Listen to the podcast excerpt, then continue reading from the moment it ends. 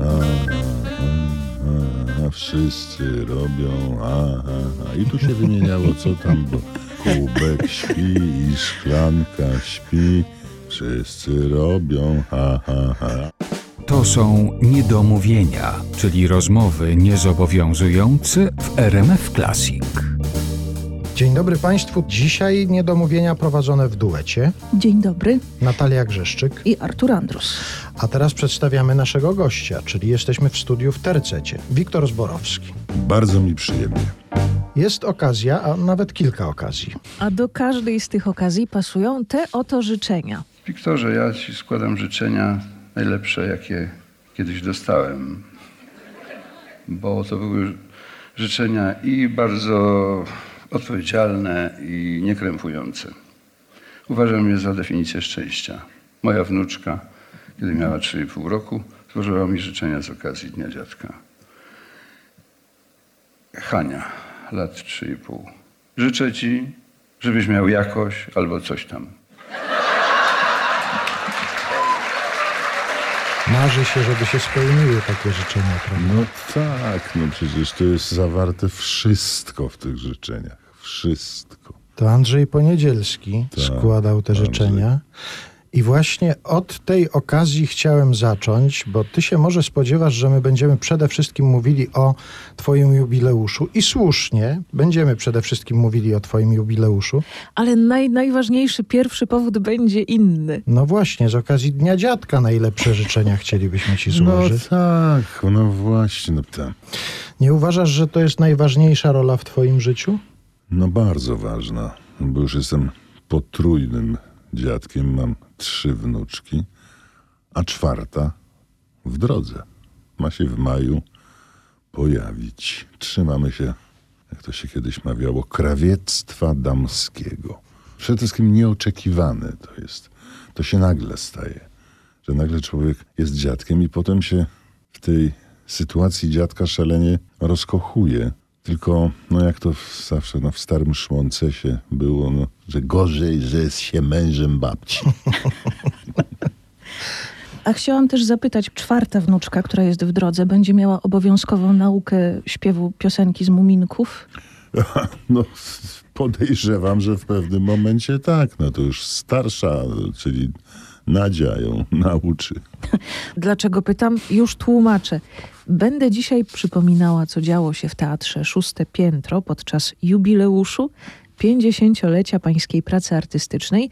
Przyniosłam kilka nagrań z tego spotkania, jak te życzenia złożone przez Andrzeja Poniedzielskiego. A o Muminki dopytuję dlatego, że jednym, i muszą to Państwo wiedzieć, z najpiękniejszych momentów tego benefisu był występ wnuczek śpiewających piosenkę z tej bajki właśnie. Dużo było podczas benefisu wspomnień, anegdot, zaskoczeń, śmiechu, ale tylko przy wnuczkach po prostu odebrało panu głos ze wzruszenia. No, no zdecydowanie, zdecydowanie, bo ja się nie, nie spodziewałem się tego. Ja myślałem, że te życzenia, które zostały nagrane przez kilka osób, no to, no to, to, to będzie tyle i tam się z grubsza mogłem czegoś spodziewać, a, a kiedy zobaczyłem te pociechy, które śpiewają te muminki, no to po prostu mi się ścisnęło gardło po prostu. No to było piękne, naprawdę wspaniałe. A ty masz jakąś piosenkę, którą wiesz, że to jest żelazny repertuar w kontaktach dziadka Wiktora z wnuczkami, że wiesz, że na przykład, żeby uspokoić, uśpić na przykład, możesz coś takiego zaśpiewać wnuczkom? Słuchaj, nie mam takich kołysanek, wiesz. Nie mam. To zawsze to, to polegało. Jeszcze moja mama taką kołysankę śpiewała dla moich córek, jak, jak były ma, malutkie. Takie na zasadzie takiej. A, a, a, a, wszyscy robią, a, a, a. I tu się wymieniało, co tam, bo kubek śpi i szklanka śpi. Wszyscy robią, ha, ha, ha, a tu ten mikrofon śpi, Artur Andrus śpi, i Natalia Natalia Grzeszczyk. Grzeszczyk śpi. Wszyscy robią. I tak to trwa, aż dzieciak zasypiał. I to czasami, czasami rzeczywiście było to stosowane też w stosunku do moich, do moich wnuczek. Nie będziemy za głęboko w tak intymne sprawy wnikać w tej rozmowie, jak właśnie to bycie dziadkiem i te kontakty z wnuczkami. Już będziemy powoli zmierzać e, w stronę tego jubileuszu i, i zawodowych spraw, ale muszę coś na pograniczu tych zawodowych i prywatnych, muszę jedną rzecz poruszyć. To będzie no, ostre pytanie o używki w środowisku aktorskim. Jak u ciebie z używkami typu słodycze? No tak, bez szaleństwa. Bez szaleństwa. A dlatego o to zapytałem, że tu jest prezent e, od RMF Classic. Bardzo proszę. To jest sernik na zimno, ale z ciepłymi życzeniami. Bardzo dziękuję. No rzeczywiście tu jest napisane dla, dla dziadka. Piękne. No, mm, I to jest naprawdę dla mnie? To jest naprawdę dla ciebie. To nie jest przechodnie. Tak, myślisz, że każdemu gościowi, który przychodzi do studia, dajemy to torcik dla dziadka. No to można, no dobrze, no to jakoś to za wasze zdrowie spożyję ten torcik. Do rozmowy wracamy za chwilę. Będziemy dzisiaj słuchali też piosenek w wykonaniu naszego gościa. Teraz jako równocześnie i pan Darling, i kapitan Hak. Wiktor Zborowski i piosenka z musicalu Piotruś Pan. Słowa Jeremi Przybora, muzyka Janusz Stokłosa.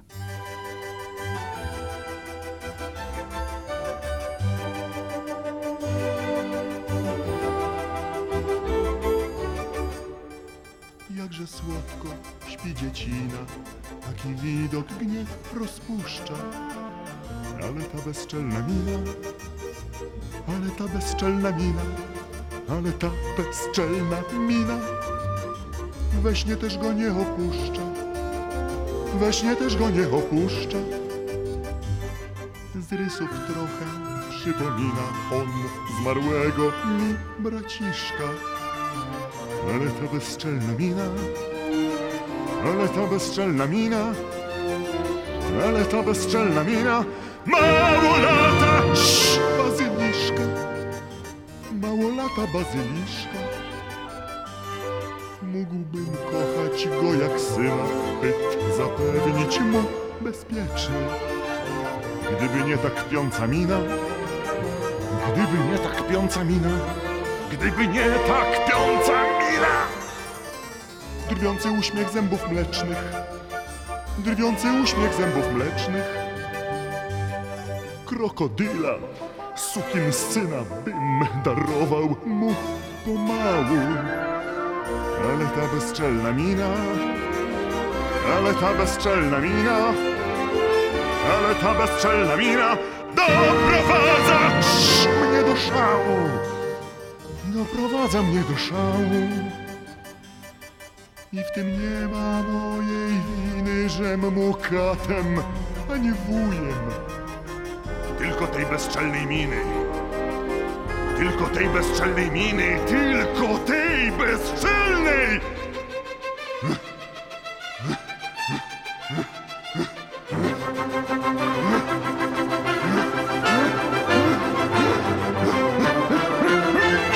I w tym nie ma mojej winy, i w tym nie ma mojej winy, i w tym nie ma mojej winy, że mu katem, a nie wujem. Tylko tej bezczelnej miny, tylko tej bezczelnej miny, tylko tej bezczelnej miny, tylko tej bezczelnej miny, którą tak mnie prowokuje, prowokuje, prowokuje, tak prowokuje, prowokuje, prowokuje, prowokuje, prowokuje.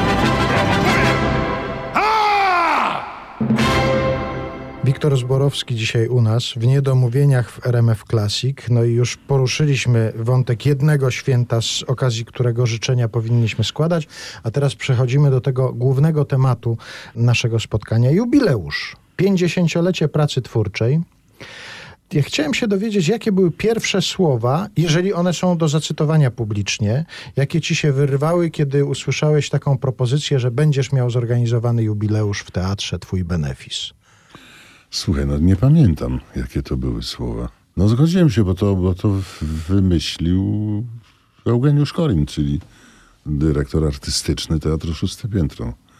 Jak gdzieś nieopatrznie nieostrożnie lapnąłem przy nim, że właśnie 50-lecie, no i on natychmiast podchwycił, żeby coś zrobić. No to mówię, no już skoro nalegasz, no to tam się przychyliłem, aczkolwiek byłem szalenie tym mm, tak troszeczkę skrępowany, bo to nawet nie ze względu na jakąś fałszywą skromność, tylko to zaczęło do mnie docierać, że na litość Boga, przecież jeszcze nie tak dawno, ja w ogóle nie przypuszczałem, że, ogóle, że ludzie w ogóle żyją tak długo, a co dopiero jeszcze, że, że pracują tyle. A tutaj się okazało, że ja nie dość, że 50 lat pracy, to jeszcze 73 tak zwanego pobytu na tym padole łez. A to już jest, no taki, no, co, co tu dużo ukrywać, no. Omszały wiek. Ale gdyby tak liczyć od twojego debiutu, od pojawienia się na scenie, to właściwie można by było 60-lecie już obchodzić. No i tak, i to jest nawet chyba jakiś czas temu, bo to rzeczywiście to był chyba 62 rok chyba to był, kiedy wziąłem udział w spektaklu Rewolwer Aleksandra Fredry w nieistniejącym już teatrze kameralnym Mała scena Teatru Polskiego w reżyserii pani Marii Wiercińskiej. No i tam biegali po scenie, kradli ten tytułowy rewolwer, mieli nawet parę kwestyjek do powiedzenia. Ale najpiękniejszą zabawą było, jak to przedstawienie było przeniesione na dużą scenę Teatru Polskiego. No i tam mieliśmy do dyspozycji rekwizytornie. I te wszystkie miecze, tarcze, szable, szpady, muszkiety, halabardy, topory, no to była zabawa. To była zabawa. To znaczy, że tam pan zaczął swoją naukę obsługi broni białej? No tak, tam, tam. Co prawda to wszystko było mniej lub bardziej sztuczne z papier maché, ale zawsze. No i to była, to była rzeczywiście.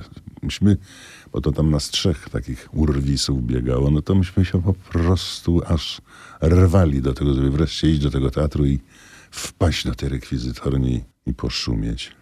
To już właściwie, jeżeli coś takiego na, nawet było, to uległo przedawnieniu po 60 latach. Możesz się przyznać, a coś sobie wyniosłeś z tej rekwizytorni wtedy? Nie, nie było takiej możliwości. Pan rekwizytor bardzo pilnował swoich, swoich skarbów i wszystko musieliśmy odłożyć na miejsce. Ale zatrzymując się na chwilę przy tym takim, no może nie samowolnym zabieraniu sobie pewnych rzeczy, ale kolekcjonowaniu. Masz jakieś pamiątki ze spektakli, z filmów? Jest coś takiego, co, co sobie zachowałeś na jakąś szczególną pamiątkę po jakimś twoim zawodowym zdarzeniu? No, dostałem na przykład od produkcji Ogniem i Mieczem strzemiona do jazdy końskiej, których używałem na planie. Dostałem taki guzik od żupana.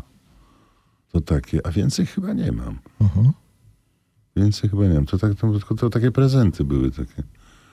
A więcej nie. Ja nie, nie, nie kolekcjonowałem nigdy takich pamiątek ze z ról. Opró, oprócz tych właśnie strzemion i, i tego guzika od żupana. Kolejny fragment z pańskiego benefisu w Teatrze Szóste Piętro za chwilę. Najpierw w RMF Classic piosenka, słowa Wojciech Młynarski, muzyka Leopold Kozłowski. Śpiewają pan i Marian Opania, który również był gościem pańskiego benefisu.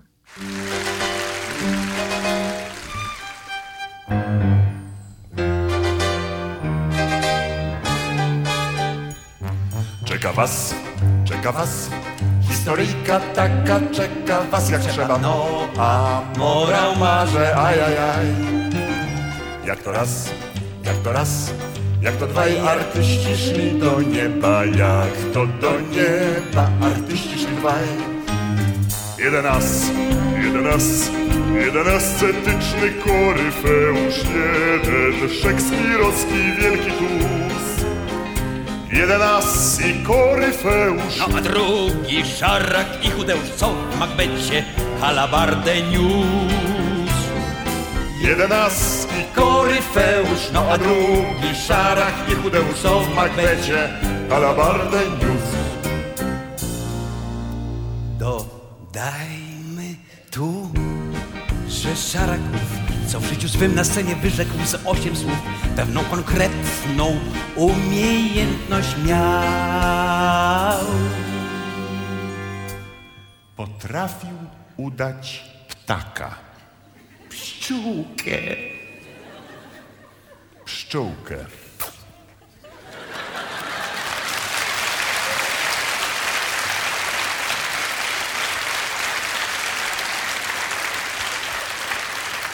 I kolegom w lot płynęły łzy. Za kulisami z pszczółki każdy w głos się śmiał. Każdy, każdy z pszczółki w głos się śmiał. Dobry Bóg, dobry Bóg, gdy naszego tuza ujrzał, tak zawołał. Ach, szanowny pan nie może być! Słuchaj pan, słuchaj pan, erudytę mam ja tu anioła, pan sobie złotko na spacer z. No a ty, no a ty, ty mi zaraz bracie pszczółkę zrobisz, wołał pan i śmiał się ile sił. Ach, nie będę już markotny, mój artysto, dzięki stokrotne wołał pan i głośno brawo bił. Ach, nie będę już markotny, mój artysto, dzięki stokrotne wołał pan i głośno brawo bił. Artysto, o, to morał jest. Artysto nad swym losem nigdy nie roń łez. Głowa do góry, smutki odrzuć precz. I zapamiętaj sobie, że gdy umiesz coś,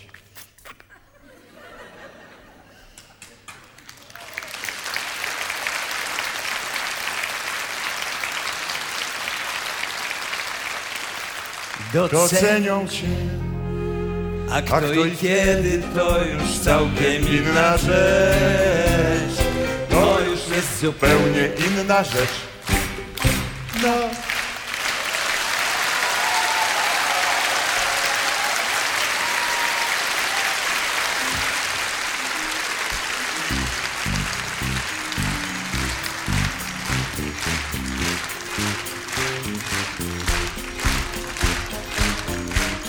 To są niedomówienia w RMF Classic.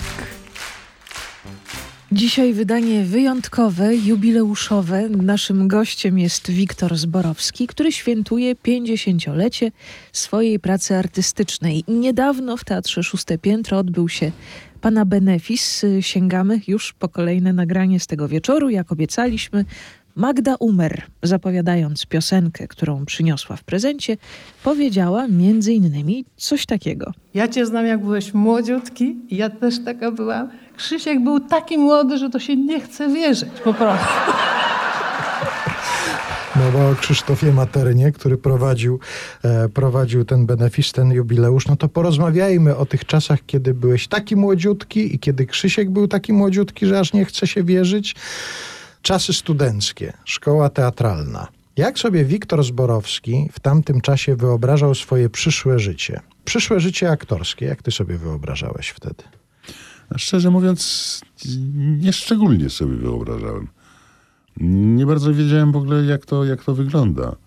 Ze szkoły troszeczkę uważam za mało tej wiedzy warsztatowej wyniosłem. Nie wiem, może za głupi byłem po prostu jeszcze wtedy na to. Zresztą tak jak w każdym wieku człowiek ma ten, ten swój odcinek czasowy, gdzie mówi, o, to człowiek trochę rozumu zabrakło. W szkole nie, nie, nie do końca myśmy doceniali tych wspaniałych mistrzów, którzy nas uczyli. Dopiero potem w teatrze trzeba było to wszystko, wszystkie te braki nasze, które mieliśmy z naszej winy w końcu, nadrabiać. Pamiętam tylko, że w szkole bardzo ceniliśmy sobie zajęcia z profesorem Janem Świderskim, który nas uczył takich pewnych zagrań. Że na przykład jak tutaj chcesz powiedzieć, ja was tak kocham i żeby to wyszło, że kłamiesz, to samo na przykład licz pieniądze w tym czasie. I tu liczysz te drobniaki, mówisz, ja was przecież kocham. I takich sztuczek nas uczył, myśmy sobie bardzo cenili.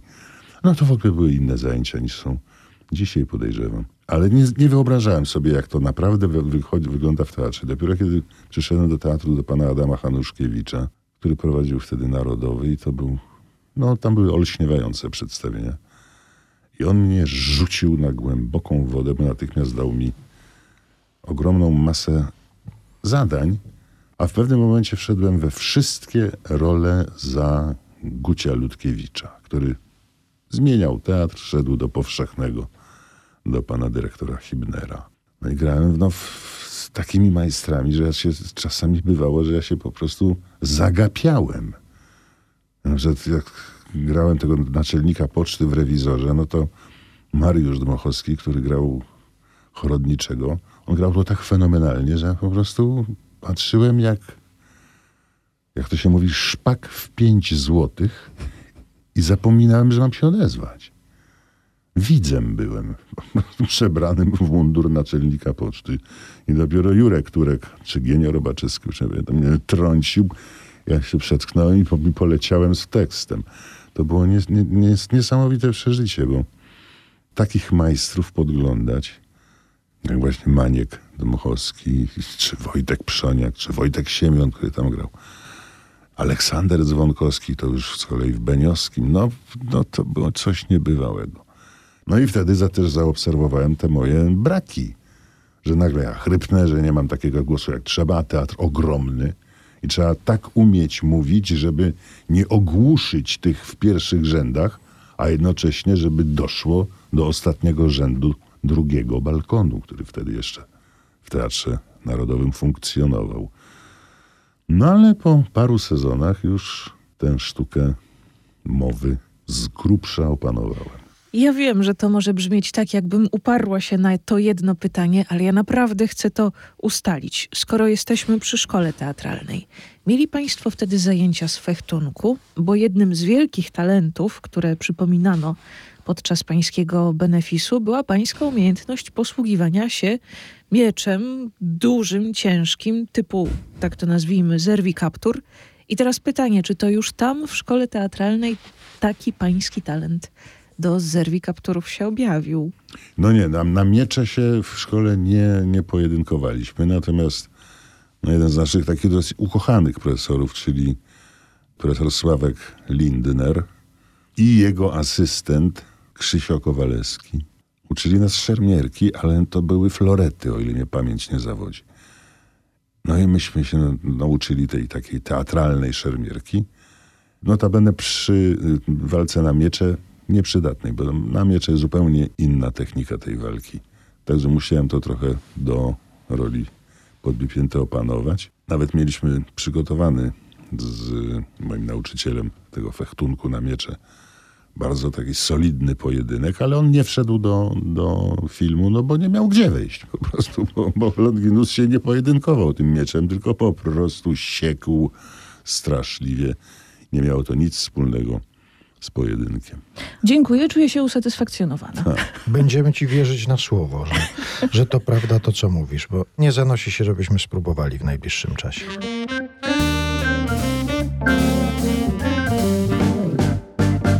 A jeszcze wracając do tego etapu, o którym wspomniała Magda Umer, że byliście tacy młodzi, że, i że Krzysiek był taki młody, i ty byłeś taki młody, i ona była taka młoda.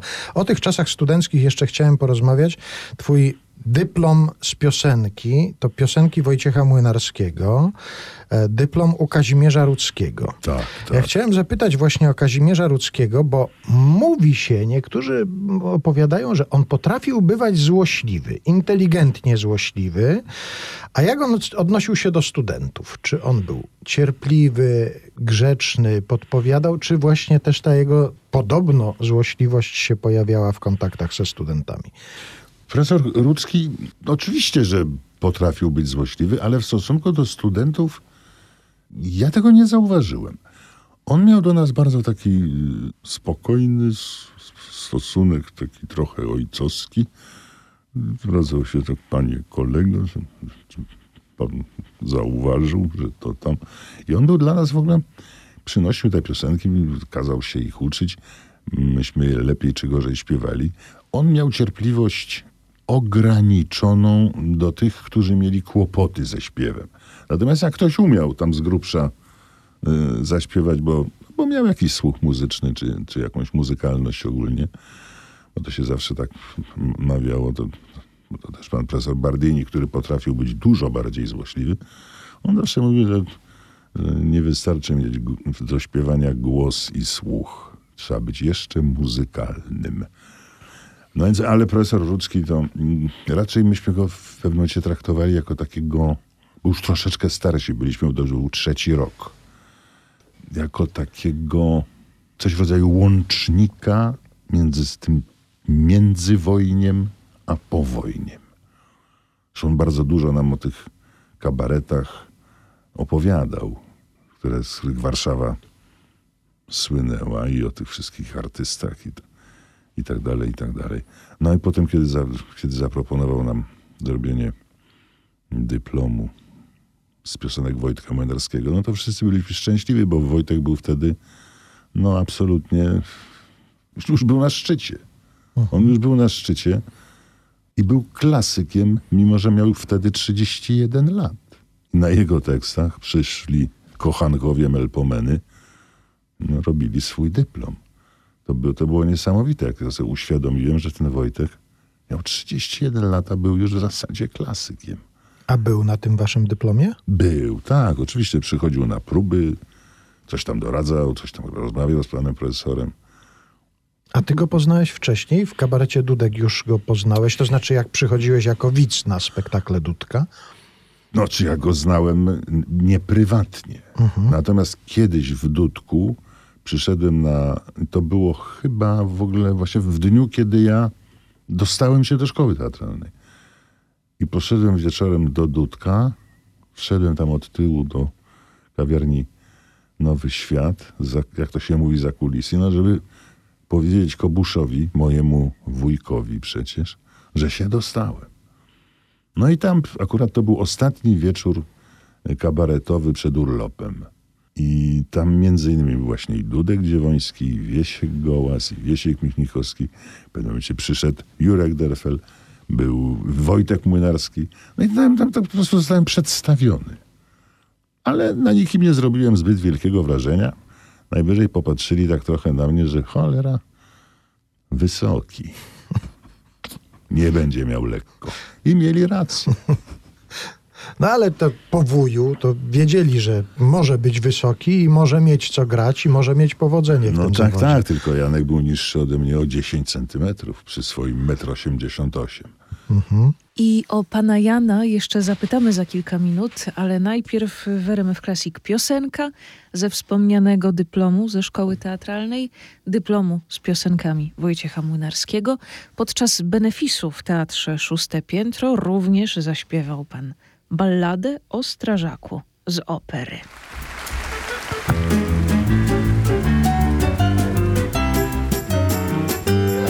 Zabawny dosyć fakt, za chwilę wam powierzę Co wiele temu lat wydarzył się w operze. Raz bowiem z kilku dam asystą znakomitą Zawitał kiedyś pan Puccini, kompozytor.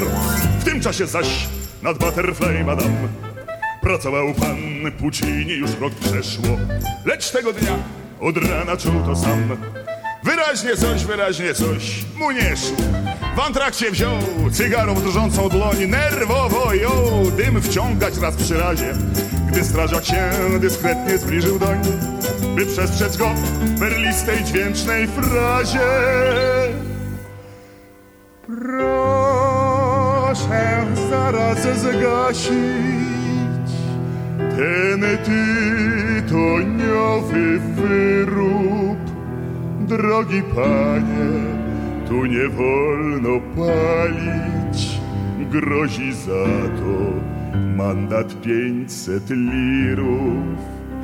Pa, pa, pa, pa, pa, pa, pa. I słuchał tego pan Puccini kompozytor. I czuł, ach czuł, przysięgam wam, że coś mu świta. I następnego dnia w operze dał swe dzieło. Zwyczajne pa, pa, pa, tak to się zaczęło. I grano tam tę butterfly madame. Niejedną damską pierś wstrząsnęło łkanie. I strażak łkał jak bóbr, przysięgam wam. A jedną arię z góry znał na pamięć. A kiedy ktoś w antrakcie na foyer Zapalić w miejscu chciał niedozwolonym. Pan strażak doń dyskretnie zbliżał się By przestrzec go tenorem przyciszonym.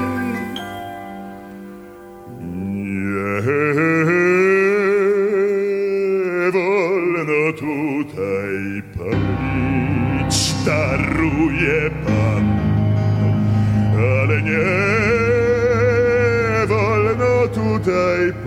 palić, kochany. A Puccini wsłuchany uśmiechał się bosko, bo w tym czasie akurat pracował nad Toską. Panowie, przynieśmy czasem z serca toast szczery za wkład Straży Pożarnej w historię opery.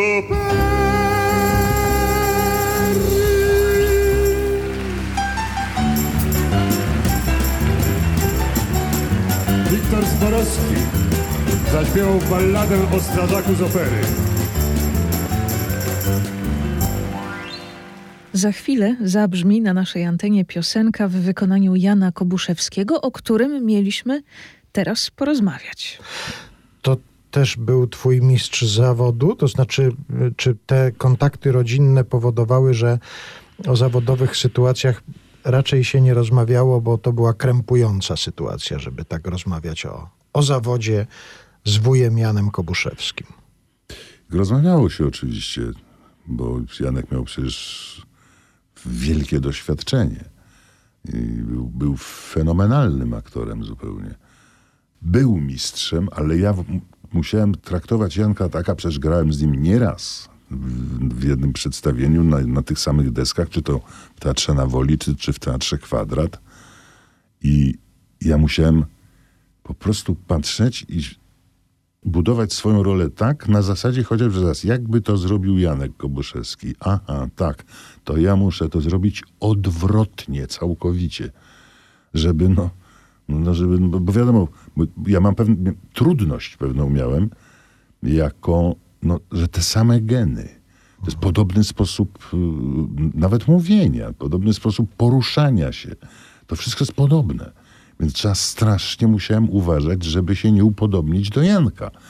Bo muszę wam, wam powiedzieć i państwu też przed mikrofonami, że nie ma nic gorszego niż dwóch Kobuszewskich na scenie. A zdarzało się, że pan Jan czekał w kulisach, żeby po pańskim wystąpieniu na scenie powiedzieć kilka krzepiących słów? Zdarzało się, miał, że miał zawsze jakieś uwagi, od, znaczy zawsze, od czasu do czasu miał jakieś uwagi, wie- wiesz, tutaj mój, musi, musimy to jeszcze sobie przegadać, bo, bo tam coś nie wyszło, nie wyszła nam puenta, czy coś to, no miał, miał, miał takie uwagi, no jak to bardzo doświadczony aktor. Więc, więc oczywiście go słuchałem, bo, bo warto posłuchać było Jaśka, który no przecież, no, na litość Boga, no to był facet, no, któremu na scenie można, wolno było zrobić absolutnie wszystko i to wszystko było wiarygodne. A Miał też, taką zasadę, Janek, że nie można przegrać, czyli za dużo coś tam zagrać. Można tylko nie dograć. Ale jemu to się sprawdzało, a u każdego innego to by było jakaś, nie wiem, przesada, szmira, cholera wie co. A u Janka było to stuprocentowo wiarygodne. Po prostu to, to, to fenomenalny talent.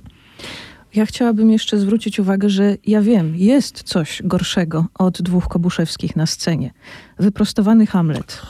No tak, tak, tak, tak, oczywiście.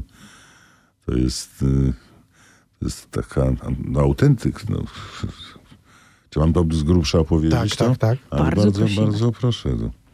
Kiedy Daniel w Teatrze Narodowym próbował, Daniel Ol- Daniel Olbrychski. Olbrychski, tak, próbował Hamleta w reżyserii Adama Hanuszkiewicza, którego potem zresztą Daniel grał fantastycznie tego Hamleta.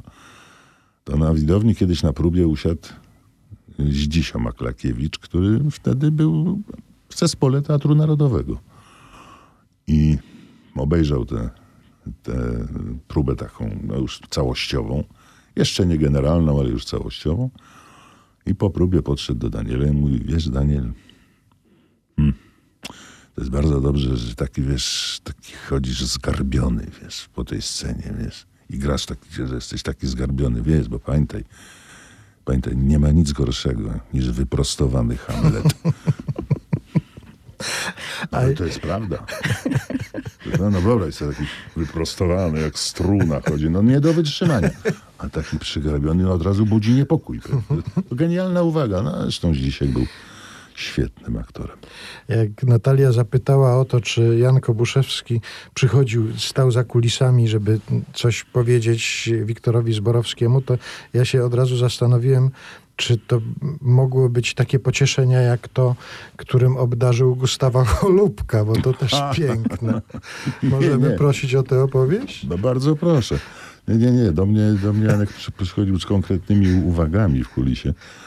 A z, Guciem Cholubkiem było tak, że kiedy Gucio grał Gustawa Konrada w, w Dziadach Deńkowskich i kiedy schodził zlany potem po fenomenalnie mówionej wielkiej improwizacji, to zawsze w kulisach czekał na niego Kobusz, podchodził do Gucia i mówił Guciu, niech se gadają co chcą, mnie się podobałeś.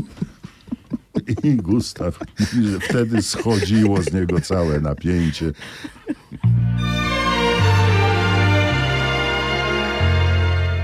Nocami w gwiazdy spoglądam i myślę z lękiem, że jutro może odejdziesz, zapomnisz mnie.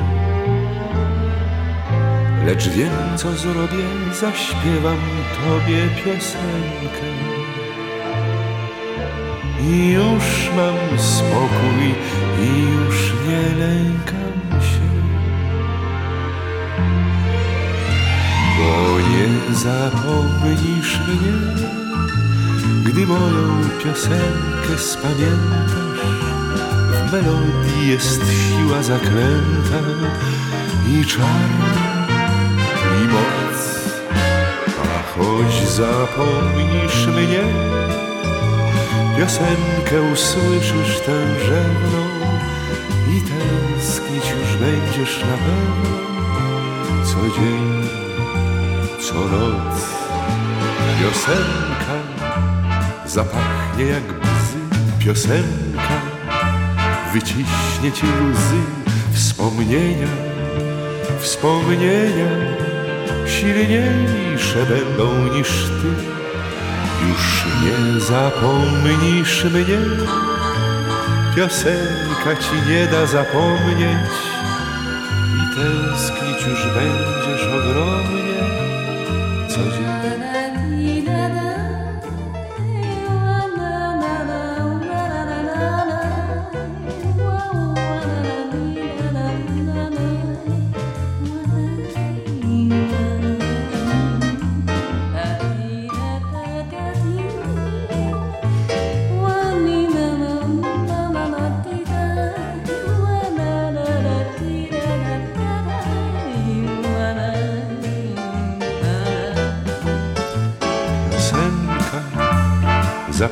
jak bzy, piosenka wyciśnie ci łzy, wspomnienia, wspomnienia silniejsze będą niż ty.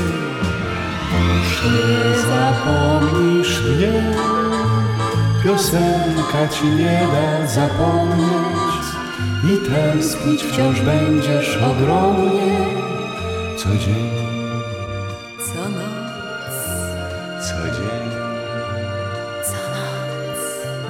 Co dzień.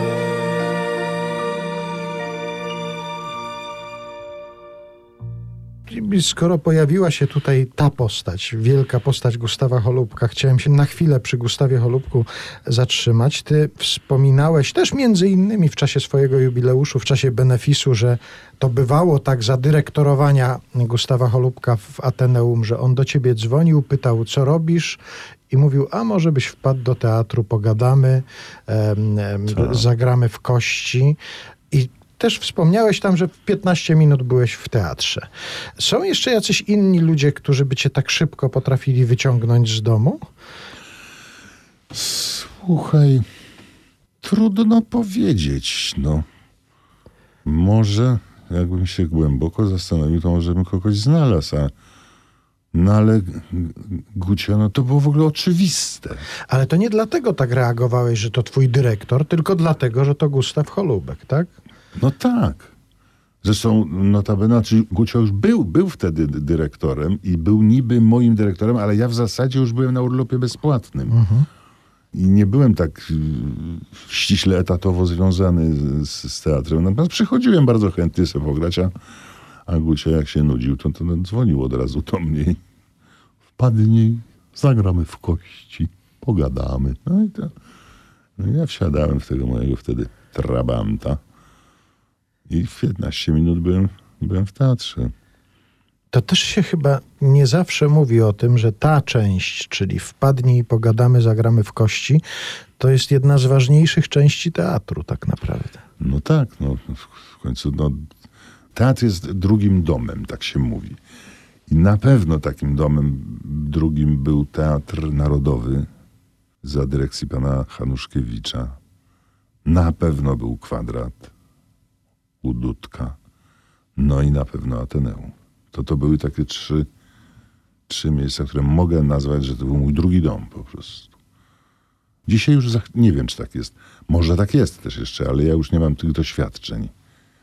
A zresztą wcale bym się nie zdziwił, gdyby się wszystko zmi- zmieniło. No, ja nie wiem, czy dzisiaj jest taka możliwość, żeby na przykład przyjść, żeby się nie spóźnić na próbę, to się przychodziło czasami po jakimś wielkim gdzieś tam jakimś bankiecie czy coś, to się szło od razu do teatru, się szło do garderoby, tam mieliśmy i łóżko, to się, każdy z nas miał swoją szczoteczkę do zębów, pastę, tam była łazienka, no, no i żeby się nie spóźnić na próbę, to się od razu się kładło, potem się wstawało i na, o 10 było się gotowym.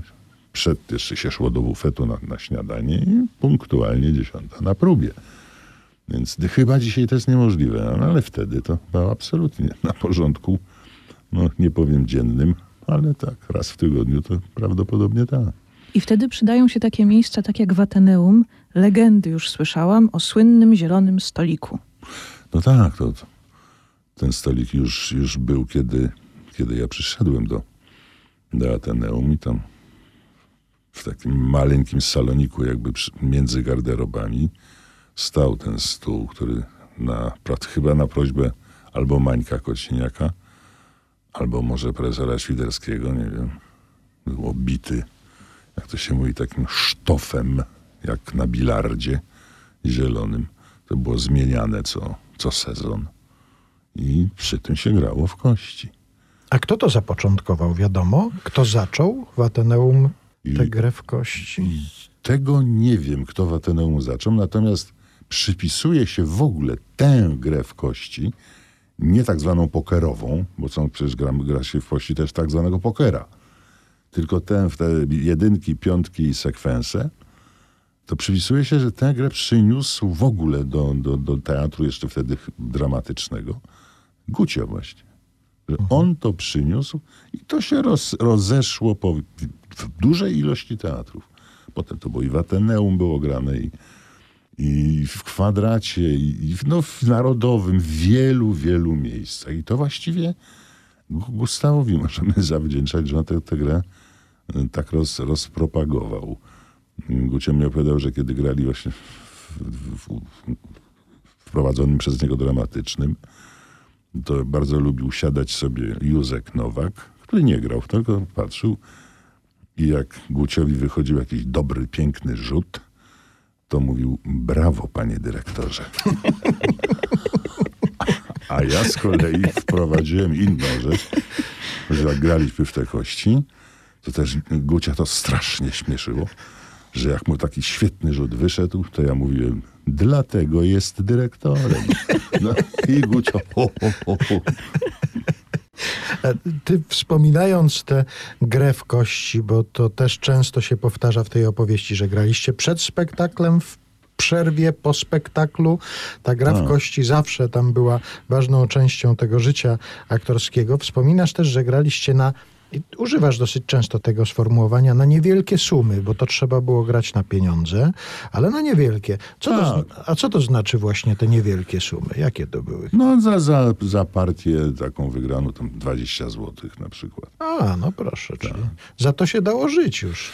No bez przesady, bo to jak, no, jak, jakby tak bez przerwy tylko jeden wygrywał, no to tak, ale ponieważ z reguły wygrywali wszyscy mniej lub więcej, No to, to gdzieś to się sprawiedliwie dzieliło. Przychodził Gustaw Holubek i zgarniał wszystko, bo dlatego był dyrektorem. Dlatego był dyrektorem, tak. tak. No y, przede wszystkim no, przy takiej grze no, jakieś stawki muszą być, no żeby ta gra była po prostu odpowiedzialna, bo tak to sobie każdy gra jak chce i się wygłupia i tego, a tutaj nie, no jednak można stracić parę groszy, więc z tym, że to nie miało nic wspólnego z hazardem. Nic, no bo to, to, to była taka zabawa, no. Na nie- nieduże stawki. Zastanawiam się, czy ktoś pomyślał o tym, żeby te kości na przykład, którymi rzucał Gustaw Holubek, które może tam się pojawiły razem z nim w Teatrze Ateneum, żeby one kiedyś trafiły do, do Muzeum Teatru, bo to jest bardzo ważna część życia teatralnego, jak się okazuje. Nie, no te kości to czasami no, gdzieś się gubiły, to trzeba było kombinować nowe. Poza tym to Gucio nie przyniósł tego do, do, Do Ateneum. Do Ateneum, już Ateneum już było grane. Mhm. Gucio to roz, zaczął propagować jeszcze w dramatycznym. Nie, kości, kości, kości to był taki element wymienny. A skoro już poruszyliśmy temat sportu, to chciałem zapytać, czy masz cały czas rakietę tenisową w domu? Jeszcze gdzieś leży. Ale używasz? Nie. Czasem na kort wychodzisz? Nie, już, już od wielu lat w tenisa nie gram ze względu na kolana, bo to już się nie da. To już jest... Ta gra wymaga jednak no, takich zrywów, no, no ostrego biegania. To nie ma cudów. Więc ja już, jak mi te kolana zaczęły bardzo dokuczać, to, to zamieniłem rakietę na kij golfowy i jakoś się tego trzymam. No i każdy, kto śledził sportowe losy Wiktora Zborowskiego, wie też o koszykówce kiedyś, kiedyś. No to, to przecież w liceum, no to wtedy mm, grałem zawodniczo. Zresztą nawet w reprezentacji Polski, juniorskiej oczywiście. A nie korciło cię na przykład, żeby jeszcze coś takiego typu skoki narciarskie na przykład. Nie wchodziło w rachubę. Nie wchodziło w rachubę. Yy, Warunki fizyczne, absolutnie nie, nie, nie nadawałem się. A tresura psów? Nie. Jako sport? Tak. Bo ja za, to Nie. jest bardzo logiczne połączenie w mojej głowie, za chwilę się z tego wytłumaczę. Ależ proszę. Ja nie, ja, ja psów w ogóle nie tresuję. Bo pan jest miłośnikiem czworonogów. Tak, i dlatego ich nie tresuję. One, nie uczę ich ani podawać łapy, ani tam siat, ani waruj, ani coś. Nie, to, A to, one ciebie?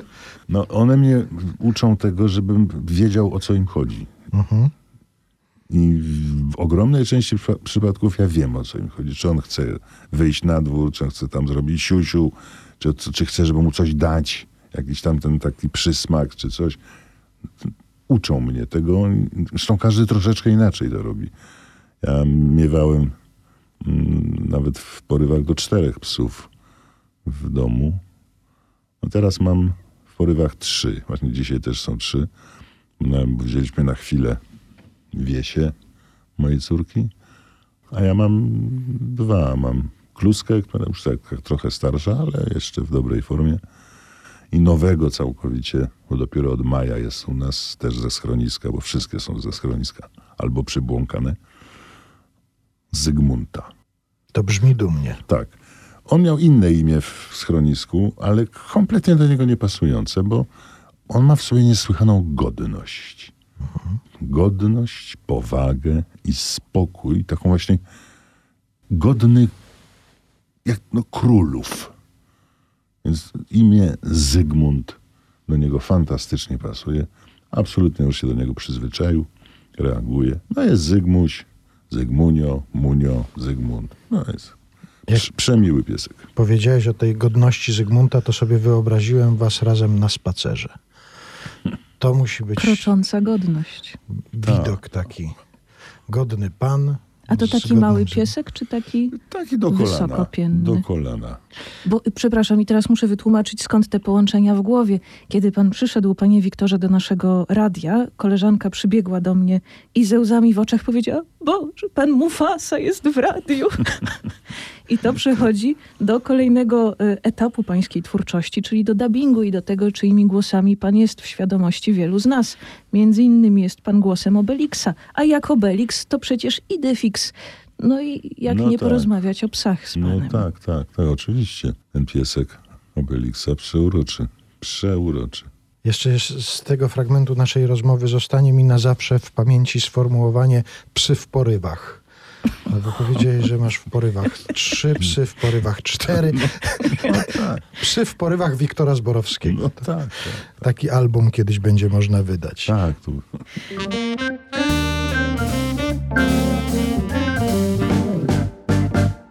Wiktor Zborowski dzisiaj u nas w Niedomówieniach w RMF Classic. Przy okazji jubileuszu 50-lecia i takiego koncertu jubileuszowego, który odbył się w Teatrze Szóste Piętro, rozmawiamy sobie o różnych sprawach związanych z zawodowymi losami Wiktora Zborowskiego. Chciałem zapytać cię też o to, czy nie myślisz sobie, że Jednym z przedmiotów wykładanych na studiach w Akademii Teatralnej powinien być taki przedmiot jak zastępstwo. Bo odnoszę takie wrażenie, i to też dotyczy Twojego życiorysu, że to zjawisko w życiu aktora jest bardzo ważne, jak zastępstwo. No jest, jest na pewno, ale to też do tego trzeba mieć predyspozycję. Takim no, geniuszem, takim z, o, ogromnych czasem i nagłych zastępstw e, był, niestety nieżyjący już, Tadzio Borowski. On potrafił w ciągu, w niewiarygodnie krótkim czasie, dosłownie czasami jednego czy dwóch dni, opanować ogromną rolę i ją bardzo solidnie, dobrze zagrać. To, to trzeba mieć predyspozycję, to nie tylko pamię pamięć. To się, na to się składa no, cała jakaś masa mentalnych uwarunkowań. Nie każdy to potrafi. A dlatego pomyślałem, że może studentów warto by było przygotowywać do tego, że kiedyś ich to może spotkać, żeby byli przygotowani. No bo w Twoim przypadku, Ty już wspomniałeś tutaj o zastępstwach, w które Cię wrzucił Adam Hanuszkiewicz, ale właściwie Twoje pojawienie się w Teatrze Ateneum to też było zastępstwo. No tak, tak, tylko że to było zastępstwo nie już w gotowym spektaklu, tylko dopiero przygotowywanym, czyli, czyli nie, było, nie, nie wymagało to ode mnie jakiegoś strasznie skróconego czasu pracy. To się brało z tego, że, że w pierwszej obsadzie Chemara, wspaniałego spektaklu Chemar, piosenki i wiersze w reżyserii według scenariusza Wojtka Młynarskiego, grał Piotruś Machalica. I w pewnym momencie, po jakimś miesiącu prób, może mniej, może trzech tygodni, nagle pan dyrektor Himner, Himner jednak przeprosił i wezwał Piotrka, bo był, był mu potrzebny po prostu. I Piotrek odszedł z tego przedstawienia. I się no, zapanowała panika. No bo jeden, ten najwyższy z tej czwórki rewelersów odszedł. No i wszyscy siedzą i zastanawiają się łącznie z Wojtkiem, kto to może zagrać? Bo przecież to no nie ma. No, nie ma człowieka wysokiego, z niskim głosem, żeby jeszcze umiał śpiewać. Nie ma takiego. No rozpacz. Po prostu oni nie wiedzieli, co ze sobą zrobić. I nagle Manie Kopania, z którym w tym czasie ja robiłem jakiś taki fajny y, teatr telewizji śpiewany. On powiedział, to, to może no to może Wiktor Zborowski. I podobno wtedy, bo przecież mnie przy tym nie było, Wojtek się huknął otwartą dłonią w czoło tak, że mało nie spadł z krzesła. Bo no nie dość, że przecież widział mnie nieraz w dyplomie według jego piosenek, to ja wtedy codziennie, nie tam, że tam co dwa czy co trzy dni, nie, codziennie grywałem z nim rano w tenisa. W tenisa. Grywałem rano przed próbą. O ósmej żeśmy zaczynali, koło dziewiątej tam żeśmy kończyli. No i Wojtek szedł na próbę, ja tam gdzieś indziej. Czyli no po prostu, no co tu dużo ukrywać. No, pod latarnią najciemniej. Nie, no nie ma takiego aktora, gdzie tam? Nie no, ma. to- A że, dzisiaj, Wysoki, z niskim głosem i żeby śpiewał. Nie ma. a że dzisiaj grał ze mną w tenisa, to, to przecież skąd ja go mogłem zapamiętać? No, gdybym tam śpiewał może w tym tenisie, albo grał przynajmniej śpiewająco, no to może by coś mu się skojarzyło, no ale nic. To słynne słowiki Ateneum ze spektaklu Chemar, piosenki i wiersze przejmują antenę RMF Classic.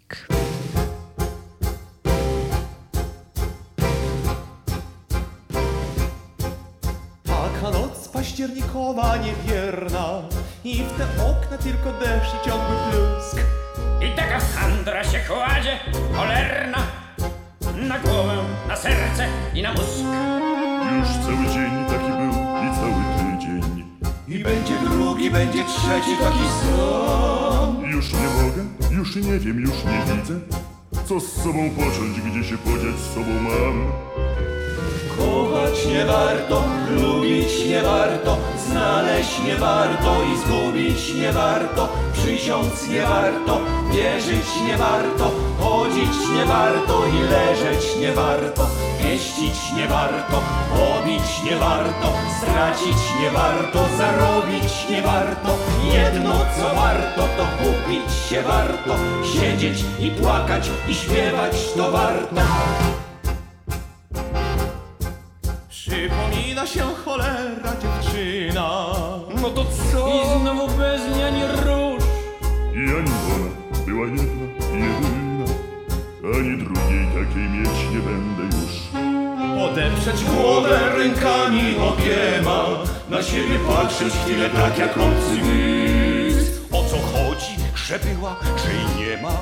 Co z tego pytam? A właśnie, że nic nie warto, lubić nie warto. Znaleźć nie warto i zgubić nie warto. Przysiąc nie warto, wierzyć nie warto. Chodzić nie warto i leżeć nie warto. Pieścić nie warto, pobić nie warto. Stracić. Nie warto, zarobić. No.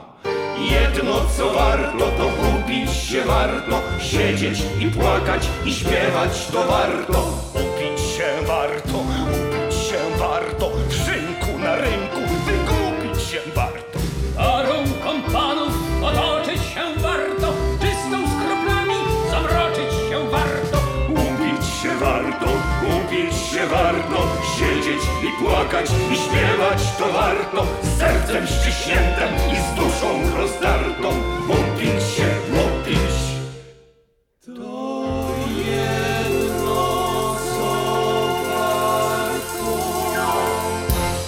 Wiktor Zborowski, który świętuje 50-lecie pracy artystycznej, jest dzisiaj naszym gościem. To wyjątkowe niedomówienia, do których przyniosłam walizkę dźwięków z benefisu, który odbył się w Teatrze Szóste Piętro kilka dni temu, ale fragment kolejny benefisu za chwilę, bo teraz Jeszcze powinniśmy zahaczyć o taki temat jak film. Ty właściwie parę razy mówiąc o swoim zawodzie i akcentując to, że dla ciebie najważniejszy jest teatr, tak jakbyś y, sugerował, że, że film jest dodatkiem do tego zawodu.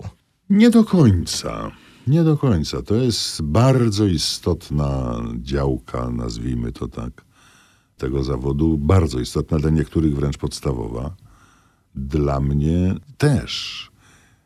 Ja realizowałem się w tym zawodzie jakby na, na czterech, nazwijmy to, poziomach. No. Czyli to był poziom teatru, filmu, radia, nawet na pięciu. Radia, dubbingu i estrady. I to wszystko było dla mnie tak samo ważne. I tak samo lubiłem to. Najmniej może lubiłem estradę z, racji tego, że tam się nie ma za co schować. Tam po prostu w maleńkiej formie trzeba się, jak ubrany w garnitur z krawatem, po prostu no, wykonać coś i zaabsorbować publiczność i żeby, żeby ona to łyknęła. Geniuszem estradowego i kabaretowego aktorstwa był Dudek Dziewoński. To był absolutny geniusz. To coś takiego jak wiersz satyryczny, piosenka, sketch, monolog. To, to było, on miał to opanowane do perfekcji. A wracając jeszcze do filmów i do ekscentryków konkretnie, w radiu, w którym pojawia się muzyka filmowa, ten wątek też powinien się pojawić. Przygotowując się do roli w ekscentrykach, miałeś jakieś lekcje u trębaczy, którzy pokazywali ci dokładnie, jak to powinno wyglądać? Oglądałeś materiały filmowe na ten temat? Czy ty Tak, po prostu wziąłeś trąbkę i się okazało, że umiesz grać? Nie, nie, nie, nie, nie.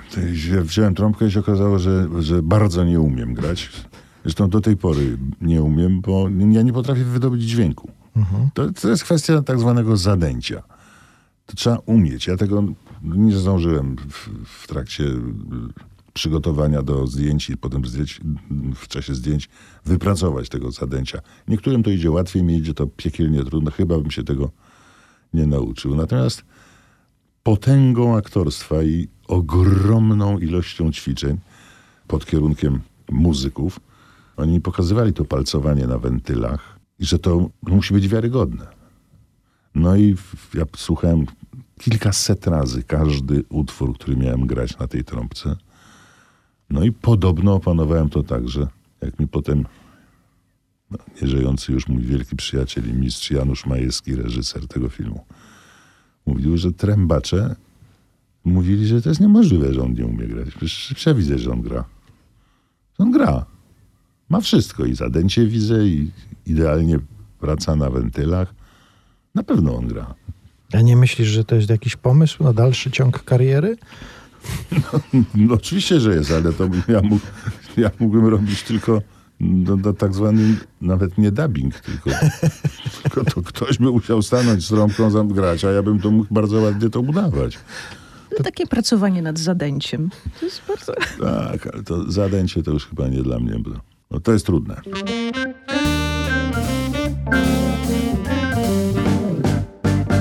I sięgamy już po kolejne nagranie z benefisu Wiktora Zborowskiego, które kilka dni temu odbył się w Teatrze Szóste Piętro. Na scenę w pewnym momencie wkroczył Daniel Olbrychski i powiedział tak. Każda, myślę, dobra pora podnieść kielich za Wiktora. Coś mi się po głowie błąka, jaka to dziś pięćdziesiątka, czy urodzin, ślubu może. Nie do wiary, mój Wiktorze, że jesteśmy tu z powodu Twego pięknego zawodu, już półwieczna dziś rocznica. I to żadna tajemnica, że kochamy Twą robotę, każdy żart Twój, anegdotę. Sypiesz nimi jak z rękawa. Ale to już inna sprawa, więc do puenty widzi mi się. Całujemy Cię w Marysie, Zośkę, Hanie i wnuczęta. Wszystkich król się nie spamięta. Symbolicznie podbij pięta. Niech nam żyje. Roześmiana woła banda od Hoffmana. Żebrowski, Malajkat, Zamachowski. Tak. Kocham Daneczek. Tak, bo te brawa trochę trwały i trwały, bo to było szaleństwo podczas benefisu, bo kiedy cała gromada od Hoffmana powstała i krzyknęła churalnie, to wszyscy byli mocno zaskoczeni. A też wiersz piękny. Chciałam dodać, bo pan Daniel opowiadał o tym, że ten wiersz nawiązywał do ośmiozgłoskowca Fredrowskiego, Tak, tak. a Fredro to przecież pańskie oba debiuty, tak jak już ustaliliśmy. I No ten tak, 60 lat temu i ten później w trzy po. Tak, tak, rzeczywiście. Ten Fredro dość sporo dla mnie znaczy w teatrze. Zresztą ja go uwielbiam. No napisał po prostu kilka, pięć albo sześć powiedzmy, arcydzieł. Arcydzieł. Oraz mnóstwo takich powiedzmy sobie drugorzędnych sztuk, bardzo fajnych, ale te arcydzieła to jest, przejdą absolutnie, są w historii polskiej komedii i teatru. No, Fredro też przyniósł panu poza ogromną ilością miłości wygłaszanej na scenie podczas jubileuszu przypomnienie o pewnych zadrach, bo Artur Barciś na przykład bardzo jasno nazywa to, że miał moment nienawiści skierowanej w pańskim kierunku, że to nie on zagrał Papkina. Można się kłócić o Fredrę? No tak, tak, tak. Rzeczywiście, no wte, wtedy Gucio reżyserował tę zemstę i ja zagrałem Papkina w fantastycznej obsadzie, bo tam są i Maniek Dmochowski, i, i Maniek Kociniak, i Maniek Opania, i, i Jacek Borkowski jako Wacław. No dziewczyny wspaniałe przecież. Anka Seniuk, Ewka Wiśniewska, Joaśka Żółkowska jako Podstoliny, one się wymieniały, Joasia Trzepiecińska, Dorota Nowakowska-Koklara, no to no fenomenalna w ogóle no, obsada. Ja po prostu byłem szczęśliwy, że mogę to grać. Szczęśliwy. No ale potem i tak się y, Arturowi pofarciło i w Och Teatrze, kiedy robiliśmy 10 lat temu troszeczkę też z mojego powodu 40-lecia wtedy pracy zawodowej robiliśmy zemstę i to wtedy Artur zagrał Papkina, a ja zagrałem Rejenta. Muszę o to zapytać. To prawda, że zawsze jak leci znachor, to dzwonisz do Artura Barcisia? No, bardzo często. Może nie zawsze, ale, ale, ale często dzwonię. No bo to jest, to jest rzeczywiście jakaś magia jest w tym filmie, który zrobił Jurek Hoffman. Że ja, ja nie wiem, ile razy ja go widziałem. Po prostu tak to może Co święta. tak w całości, to może nie wiem, z z 7, 8, 9 razy, ale nie w całości, także na przykład skakałem po kanałach i mówię, o jest, jest, jest znachor. I tak zastawałem na chwilę i już zostałem do końca filmu. Uderzając w płacz zawsze w tych samych momentach.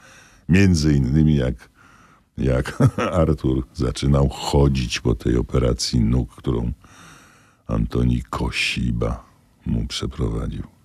To piękne kino, piękne, zadziwiające, jakaś magia w nim jest. Skoro o magii mowa, to jest jeszcze jedna taka bardzo magiczna piosenka, którą chcielibyśmy dzisiaj przypomnieć. Słowa Jona Szkofta, muzyka Juliusz Lorenz śpiewa. Wiktor Zborowski.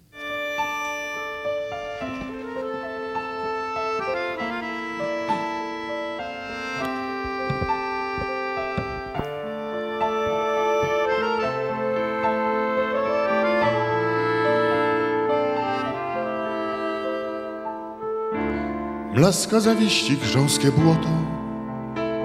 Ręba, aniele stróżu mój. Gdy pospolitość najwyższą cnotą Normalność ma munduru krój. Ty cieniem złotym przy mnie stój Ty cieniem złotym przy mnie stój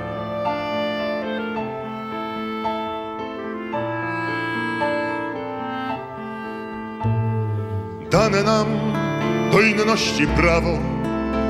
Rębo, aniele stróżu mój,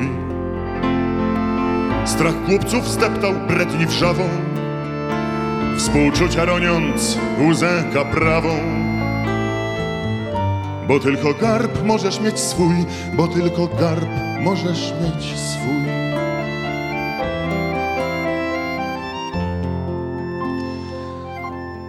Dlatego nie ma w nas, Arturze, poezji, co powinna być, co się jak wino pnie po murze, roślina, która pragnie żyć, a może tylko nie umiemy zapłacić takiej wielkiej ceny. Skoniona moja muza, trwożna, rębo, aniele stróżu mój. A nasza prawda tak ostrożna, zbyt dobrze wiemy, ile można. Więc nas przedrzeźnia byle gnój, więc nas przedrzeźnia byle gnój.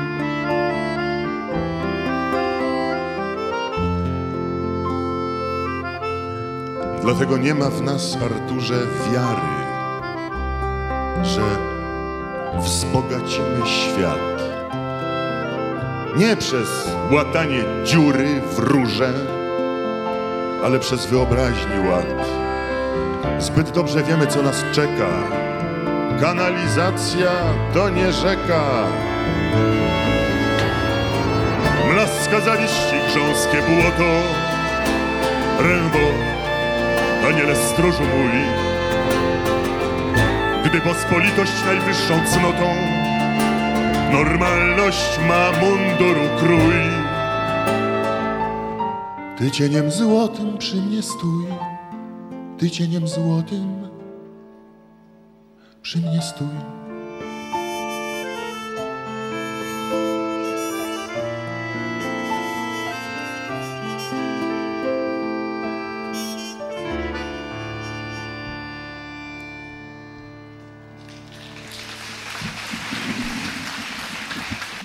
Chciałam zauważyć, że tutaj pojawiło się kilka bardzo ciekawych postulatów w tej naszej rozmowie. Na przykład domagajmy się wyprostowanych Hamletów. albo pracujmy nad zadęciem, bo to się może kiedyś przydać. Żeby psy były w porywach zawsze. Co najmniej trzy. Mhm. I pojawiło się w wierszu wygłoszonym przez Daniela Olbrychskiego podczas pańskiego benefisu w Teatrze Szóste Piętro takie piękne sformułowanie Całujemy cię w Marysie. Uważam, że to też powinniśmy przyjąć do języka naszego. Całujmy się w Marysie, jak pięknie będzie na tym świecie. I tutaj też jest bardzo ważna rzecz, na którą chcielibyśmy zwrócić uwagę. Ty swój jubileusz właściwie odstąpiłeś. I tutaj pora na ostatni. Dzisiaj fragment benefisu z Teatru Szóste Piętro. Od tego ten jubileusz się zaczynał. Tam się pojawił Wiktor Zborowski i powiedział coś takiego. Dobry wieczór Państwu. Miło mi powitać Państwa w Teatrze Szóste Piętro na jubileuszu 50-lecia mojej pracy artystycznej. Ale zanim przejdziemy do naszej jubileuszowej rewii, chciałbym zwrócić uwagę Państwa na pewien fakt.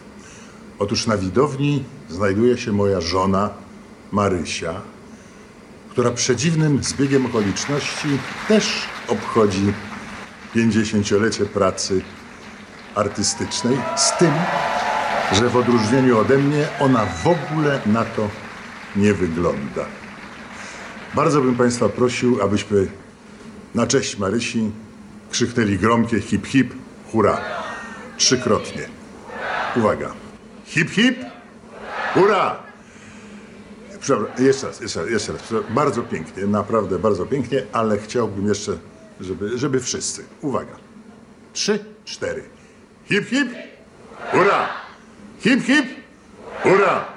Hip hip, hurra, hurra, hurra.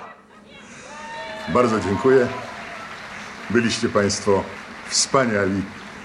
Nie spodziewałem się. Tam słychać takie piękne dziękuję pani Marii Winiarskiej. No w- wypadało, no bo przecież to Marysia też ma, miała te 50-lecie. No. Bardzo jej się to należało. Czyli Ładne. właściwie możemy powiedzieć, że w Teatrze Szóste Piętro kilka dni temu odbył się jubileusz Marii Winiarskiej w związku z 50-leciem pracy twórczej Wiktora Zborowskiego. Tak, możemy to. Nie bójmy się tego słowa. Zatem życzymy my, słuchacze, dziennikarze e, RMF Classic, żeby wam jeszcze wspólnie przez wiele lat wnuczki śpiewały przepiękne piosenki i z muminków, i nie z muminków, i żebyście się tym cieszyli jak najdłużej. Bardzo dziękuję w swoim imieniu i mojej żony. I tradycyjnie chcę powiedzieć i Wam, i Państwu przed odbiornikami. Byliście wspaniali. Nie spodziewałem się. Bardzo dziękujemy. Wiktor Zborowski u nas w RMF Classic. Dziękujemy. A na zakończenie ulicą niecałą piosenka ze słynnego spektaklu Hemar piosenki i wiersze. Piosenka, którą zaczynał pan swój jubileusz w teatrze Szóste Piętro.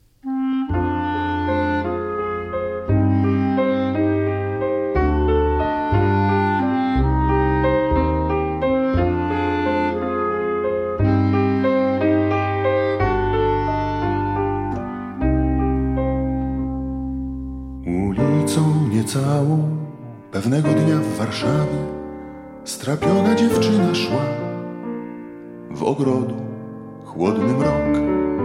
Taka smutna, aż łzy zamąciły jej wzrok. Czy pracę straciła, czy tak jej żal, że nie ma w czym pójść na dzisiejszy bal? Jakie smutki serce gniotą, czy dokuczył jej kto, mniejsza o to. Ach, idzie ulicą ze swą tajemnicą i łka, i łka. Ach, idzie ulicą ze swą tajemnicą i łka, i łka. I widzę, jak idzie, wytężam wzrok w jej stronę i wołam w daleki mrok. Poczekaj, nie płacz, stój.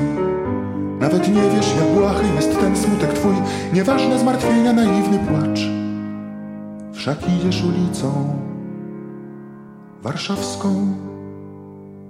Patrz. Świecą okna, stoją domy, tłum znajomy i wieczór znajomy. Czy widzisz, a ona w swój smutek wpatrzona